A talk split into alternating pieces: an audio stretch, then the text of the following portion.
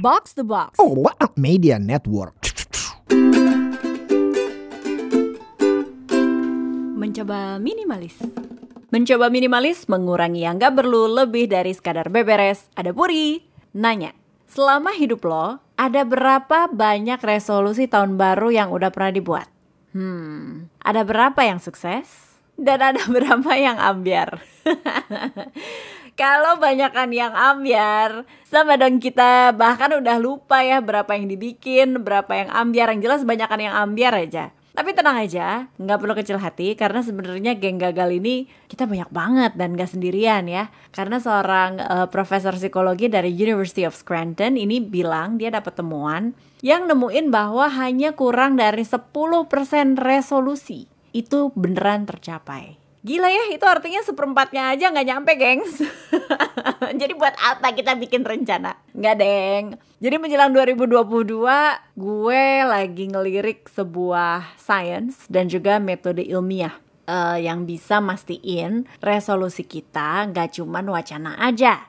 Yaitu, satu, the science of habit yang dibagi jadi tiga elemen, yang ini akan gue elaborasi lagi. Dan dua, the science of self stories Gue akan bahas yang pertama dulu, the science of habit. Sebenarnya secara otomatis keseharian kita terdiri dari banyak kebiasaan. Ya, termasuk kalau kita melek ya baru bangun tidur, respon pertama kita adalah buka HP. Ya, itu adalah kebiasaan.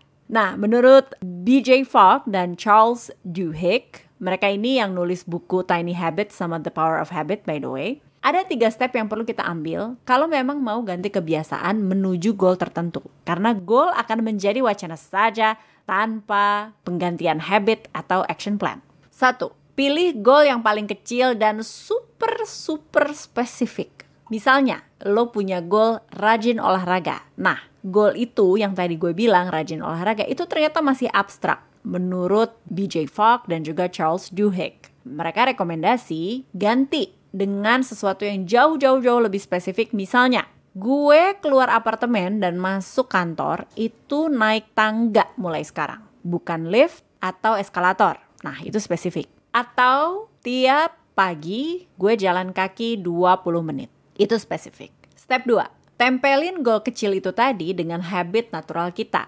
sebagai penanda. Misalnya nih ya, kita kan suka secara natural itu ya, misalnya bangun melek buka HP, habis itu kita ke kamar mandi sikat gigi. Nah, setiap abis sikat gigi itu adalah tanda gue perlu pakai sepatu dan keluar jalan kaki 20 menit. Nah, jadi penandanya itu adalah sikat giginya. Karena kita nggak usah pakai mikir, kita pasti akan ngelakuin kan. Itu yang dimaksud dengan penanda atau dalam bahasanya Charles Duhigg itu cue. Adegan sikat gigi adalah penanda kalau abis itu kita perlu melakukan sesuatu yang baru. Tiga, pastiin goal kecil ini beneran gampang dilakuin untuk seminggu pertama. Jadi, kalau tadi kita ambil contoh jalan 20 menit, ternyata masih kegedean buat kita dan suka kalah ya sama males.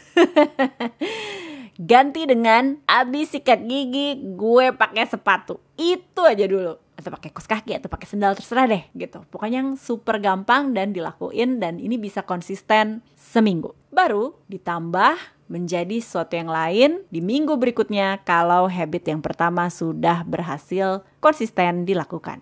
Seperti biasa, link buku dan video yang bahas soal ini akan gue taruh di deskripsi episode untuk lo baca-baca atau nonton lebih jauh kalau lo mau. Sementara untuk metode kedua, The Science of Self Stories, ini akan gue bahas di episode berikutnya. Selamat siap-siap menuju 2022. Coba sekarang biar gue nggak ngerasa sendirian ya, gagal mulu, please lah, please temenin gue.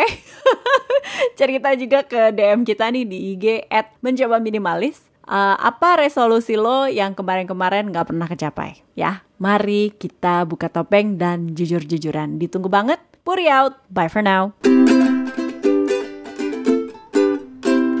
Mencoba minimalis.